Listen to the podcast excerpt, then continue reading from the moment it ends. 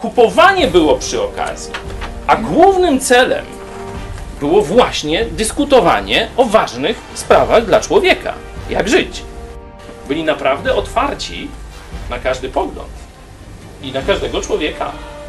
Tegośmy jeszcze nie słyszeli. To całkowicie różni się od systemów wierzeń, jakie do tej poryśmy poznali, czy jakie mamy.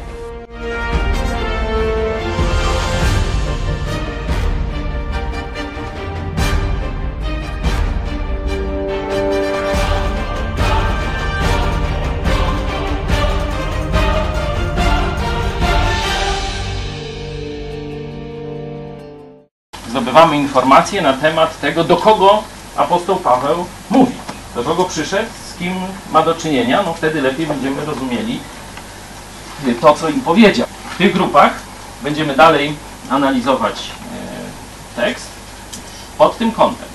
Czego dowiadujemy się o słuchaczach?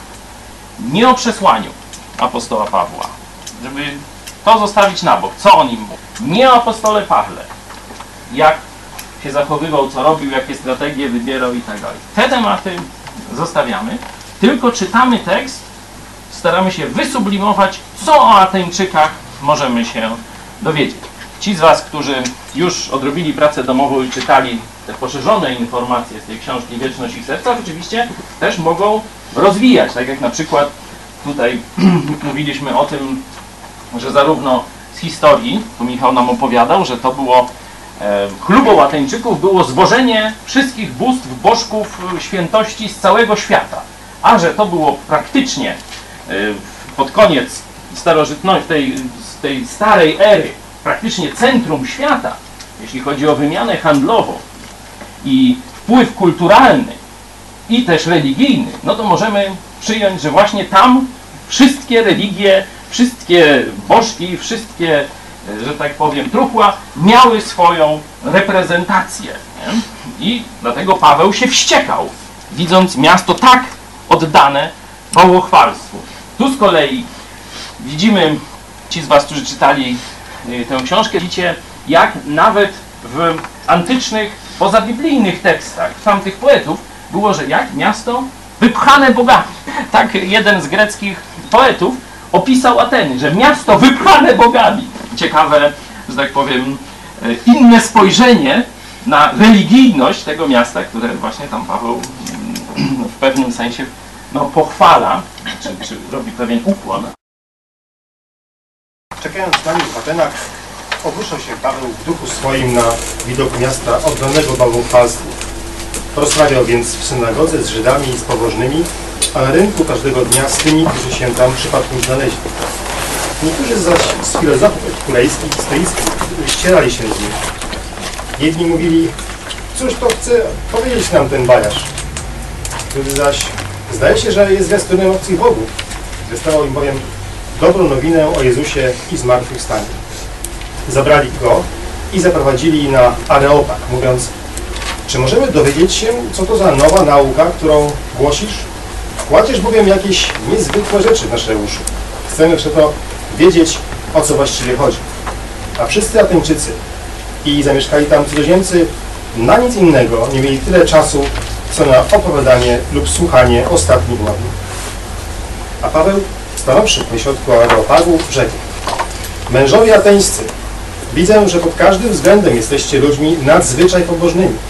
Przychodząc bowiem i oglądając wasze świętości, znalazłem też ołtarz, na którym napisano nieznanemu Bogu. Otóż to, co czcicie, nie znając, ja wam zwiastuję. Bóg, który stworzył świat i wszystko, co na nim, ten, będąc Panem nieba i ziemi, nie mieszka w świątyniach ręką zbudowanych, ani też nie służy mu się rękami ludzkimi, jakby, jak gdyby czego potrzebował, gdyż sam daje wszystkim życie i tchnienie i wszystko. Z jednego pnia wywiódł też wszystkie narody ludzkie, aby mieszkały na całym obszarze ziemi, ustanowiwszy dla nich wyznaczone okresy czasu i granice ich zamieszkania. Żeby szukały Boga, czego może nie wyczują i nie znajdą, bo przecież nie jest On daleko od każdego z nas. Albowiem w Nim żyjemy i poruszamy się i jesteśmy. Jak to i niektórzy z Waszych poetów powiedzieli, z Jego bowiem rodu jesteśmy. Będąc więc z rodu Bożego, nie powinniśmy sądzić, że bóstwo jest podobne do złota, albo srebra, albo do kamienia, wytworu sztuki i ludzkiego umysłu. Bóg wprawdzie puszczał płazem czasem niewiedzy, teraz jednak wzywa wszędzie wszystkich ludzi, aby się upamiętali, gdyż wyznaczył dzień, w którym będzie sądził świat sprawiedliwie przez męża, którego ustanowił, potwierdzając to wszystkim przez wskrzeszenie go z martwych. A gdy usłyszeli o zmartwychwstaniu, jedni naśmiewali się, drudzy zaś mówili, o tym będziemy Cię słuchali innym razem. I tak Paweł wyszedł spośród nich. Lecz niektórzy mężowie przyłączyli się do niego i uwierzyli, a wśród nich również Dionizy Areopagita i niewiasta imieniem Damaris oraz inni z nich. Czego nowego dowiadujemy się o Ateńczykach? Proszę o y, wnioski, jakieście wysnuli w grupach. Pierwszy, że mieli hobby filozofię i że byli też y, no, podzieleni w tym. To jest od razu zarysowany podział, jedni stoicy, drudzy Kurejczycy. Warto ten podział troszeczkę naświetlić, bo on, y, jak tu słyszałem w tej grupie, no, ma związek ze sprawami, o których Paweł im mówił, czyli filozofowie. Proszę o e, krótkie streszczenie poglądów epikurejczyków i stoików z uwzględnieniem różnicy, podstawowych różnic czy różnicy. Czyli jedni bardziej szukali doznań zmysłowych, uczuć i tak dalej i twierdzili, że trzeba to życie przeżywać tak właśnie e, w, całych, w całej palecie barw, a tamci szukali tego, co słuszne, tego, co prawdziwe, tego, co autentyczne, nie tego, co tam nam mówią emocje. Co jeszcze? Jakie? Co do Epikurejczyków, to takie motto, które ich cechuje, to jest czy coś pięknego może nieść ze sobą zło. Na przykład. I wysnuwali wniosek, że nie może. Czyli jak piękna, goła baba jest, to ona musi być dobra, według tej, tego poglądu. No. Pogląd, jak widzicie, nie spełnia, nie spełnia, że tak powiem, biblijnego e, e, testu, no bo co o niektórych pięknych kobietach mówi nam Biblia I biżuterii. i złotej biżuterii. Czyli piękno utożsamiali z dobrem. Epikurejczycy, tak? Znaczy oni też mieli taką myśl, jeżeli coś im się złego działo, to że zła rzecz po to nam się przydarza, żeby doprowadzić do jakiejś dobrej rzeczy. Czyli optymistami byli ogólnie. Tak. A o stoikach mówi się, że byli pesymistami właśnie. Że stwierdzali, że wszystko się źle skończy i w ogóle świat y, raczej ku, ku upadkowi zmierza, a nie ku świetlanej przyszłości. Epikurejczycy na pewno widzieli no, w taki sposób hedonistyczny tą przyszłość wieczną, jeżeli już, natomiast stoicy, no oni mówili o tym, że no, największym e, nieszczęściem człowieka, póki żyje, to jest to, że on podlega tym skrajnym emocjom i jakby celem jest e, przywrócenie stanu takiej stałej równowagi, czyli e, no, wyzbycie się emocji skrajnych. Widzimy, że ciekawe tematy. No, myślę, że każdy z Was tu by chciał czegoś więcej się dowiedzieć w jakimś, w tym z wymienionych tematów, albo też ma swoją opinię. Czyli, I zobaczcie, to się działo nie na jakiejś uczelni. Gdzie to się działo, ten spór? Pod hipermarketem. Na targu. Ludzie przychodzą handlować, załatwiają różne swoje sprawy i przy okazji, znaczy nie przy okazji, Wydaje się, że odwrotnie.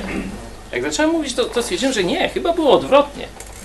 Że kupowanie było przy okazji, a głównym celem było właśnie dyskutowanie o ważnych sprawach dla człowieka. Jak żyć. Widać, że ci ludzie mieli dużo czasu e, wolnego nie? i zajmowali się właśnie takimi różnymi ciekawymi sprawami, nowinkami. Co, co jest istotne. Nie? Czyli to, Y, niektórzy z nas y, od razu się uśmiechają tak z jakimś politowaniem. Czy słuszna jest taka reakcja tych, dla tych ludzi? Jak w grupach mieliście y, oceny? Że ci ludzie rzeczywiście autentyczne spory prowadzili i byli w to bardzo mocno zaangażowani. To też właśnie w waszej grupie słyszałem to padło też, że byli naprawdę otwarci na każdy pogląd i na każdego człowieka, jeśli chodzi o dyskusję. Przecież E, Paweł nie miał żadnych atrybutów, można powiedzieć, w świecie filozofów ateńskich. Był wytwórcą namiotów, był Żydem, był obcy, nie? przed chwilą przyjechał, niedawno, nie? był nieobeznany, a mimo wszystko zobaczcie, jak go traktowali. Że ścierali się z nim na tym rynku. Że mimo tego yy, posłuchali go dość poważnie. A, właśnie to jest ciekawe. Mnie też to uderzyło, kiedy czytałem ten werset, że poważnie przysłuchali się temu, co on mówi. Jakie, dlaczego myślimy, że poważnie, y, na jakiej podstawie ten wniosek wysuwamy, że poważnie słuchali tego, co Paweł mówi? Spróbujmy zajrzeć do tych naszych wersetów. Na przykład to, że y, mieli już jakąś wiedzę na temat, bo tam mówili, że zdaje się, że tam zwiastuje jakichś innych bogów, czyli za, zakładam, że to świadczy o tym, iż jakąś wiedzę na temat Pawła, czy też jego poglądów posiadali, ale nie chcieli, za, nie, chcieli poprzestać y, tylko na plotkach, chcieli usłyszeć to od y, jego samego. Tak, to jest. Tak, to też w grupie Czarka y, słyszałem, pewnie w innych grupach też to było, że zobaczcie, chcieli konkretnie zbadać u źródła temat. Nie polegali na plotkach, właśnie, nie? Nie polegali na pierwszym wrażeniu, bo to też często ludzie tylko usłyszą dwa zdania i już myślą, że coś wiedzą. Tylko chcieli dogłębnie zbadać sprawę. Czy najpierw się z nim ścierali, a później jak zobaczyli, że to za mało, że tu różne, różne informacje sprzeczne jakieś wysnuwają, to nie, zbierzmy się razem, weźmy gościa i posłuchajmy, co ma do powiedzenia. Nie, czyli to już widać naprawdę, no po stronie plusów byśmy zakwalifikowali te, te informacje. My jeszcze zajrzeli do interminalu, to jest takie słowo zabrali go, a tam jest wręcz, że go chwycili. A w Gdańskiej por, porwawszy go, Tak. No widać, że że go zmusili, żeby im tam mamy kolejną rzecz, że te sprawy związane z Bogiem, czy z bogami, czy z sensem życia, to poruszały ich do żywego. Że a, co to nas na obchodzi, tam nie, nie, nie będziemy się tym zajmować, bo przecież życie, pieniądze, o takie sprawy. To był dla nich świat. Co jest prawdą o Bogu i jak żyć? Jak człowiek ma żyć? Przynajmniej dla tej grupy, bo to wiadomo, że nie chodzi o wszystkich mieszkańców Aten, ale o elitę tego narodu, to to można o nich powiedzieć. Jakie jeszcze znamiona wskazują na to, że rzeczywiście ci ludzie poważnie podeszli do sprawy. Stwierdzili, że to jest coś nowego. Zobaczcie, u części ludzi niezbyt rozgarniętych, kiedy zaczynamy im mówić o Jezusie, co oni, jakie jest, jak, jaka reakcja jest? E, tam wszystko to samo, tam wszystkie te księża, czy te religie, to tego. Ci ludzie nie. Ty, on mówi coś innego. To są nowe rzeczy. Tegośmy jeszcze nie słyszeli. To całkowicie różni się od systemów wierzeń, jakie do tej poryśmy poznali, czy jakie mamy. Oni od razu wychwycili różnicę. To jest coś nowego. To jest coś nowego. To wyłapali. Cokolwiek znali, a znali wszystko ówczesnego świata. To jest cie- ciekawe też. Zobaczcie. Oni znali całą mądrość religijno-filozoficzną ówczesnego świata, bo mówiliśmy, że to jest właśnie centrum kultury antycznej. A mimo wszystko to, co powiedział Paweł o Jezusie, było obcą, nową, nieznaną im rzeczą. Dzisiaj jest taki trend u niektórych naturalistów, żeby pokazać, że Biblia i inne, i wszystkie religie to jest wszystko to samo. Że na przykład jak jest w jakichś tam innych księgach o potopie i jest oczywiście w Biblii, no to wniosek jest jaki? No, wszystkie religie to, to mniej więcej te same mity powtarzają. Z logiką nie ma nic wspólnego. Nie ma nic wspólnego. Tylko z fałszywymi założeniami. Bo zakładając, że takie rzeczy, jak na przykład potop, wydarzyły się faktycznie na całej Ziemi. I cała ludzkość pochodzi od tych, tej uratowanej rodziny w arce. To jak oni się tam rozmnożyli, rozeszli po całym świecie, minie kilkaset lat, to co, czego powinniśmy się spodziewać w, że tak powiem, nośniku pamięci tych wszystkich potomków? Tego samego. No to jest przecież oczywiste i proste. I wcale to nie pokazuje, że Biblia z powodu tego, że mówi o potopie i inne starożytne źródła też mówią o potopie, wcale nie deprecjo- deprecjonuje Biblii jako objawionego źródła. Po prostu to była znana rzecz, potop był faktem, potop dzisiaj dla geologów też nie jest przecież żadną tajemnicą. Nie? Tu nie trzeba objawienia, tu się bada dowody materialne, tu się bada pamięć historyczną. Wysnujmy przynajmniej jakieś praktyczne wnioski zastosowania z tej prawdy. Z, te, z tego od, no, odkrycia to może za duże słowo, ale z tej obserwacji, że cała wiedza, jaką mieli, to było coś innego od tego, co apostoł Paweł im głosił. Jakie przychodzą Wam do głowy praktyczne zastosowania tej obserwacji? Czyli teraz, jak nie możemy mówić, jak nie możemy robić, żeby właśnie nie deprecjonować tej niezwykłości Ewangelii. Na przykład ekumenizm. To jest przecież zanegowanie. To jest pokazanie, że praktycznie wszyscy wierzą w tego samego Jezusa. I to jest ekumenizm tradycyjny, bo już jest ekumenizm nowoczesny, czyli można powiedzieć międzyreligijny. To już Jan Paweł II go zaczął, a Franciszek pięknie kontynuuje. Że wszyscy ludzie wierzą w tego samego Boga. To będzie końcowy wniosek tego procesu. Różnimy się tylko tradycjami religijnymi. A jak apostoł Paweł głosił Ewangelię? To jest coś absolutnie niepowtarzalnego, nowego, niezwykłego, czego jeszcze świat nie poznał. To jest jedna całkowicie od Boga prawda na temat zbawienia, a to jest cała sterta ludzkich wymysłów na ten temat. To ma źródło z, góry i jest potwierdzone zmartwychwstaniem. To jest wytworem umysłu i nie ma żadnego potwierdzenia.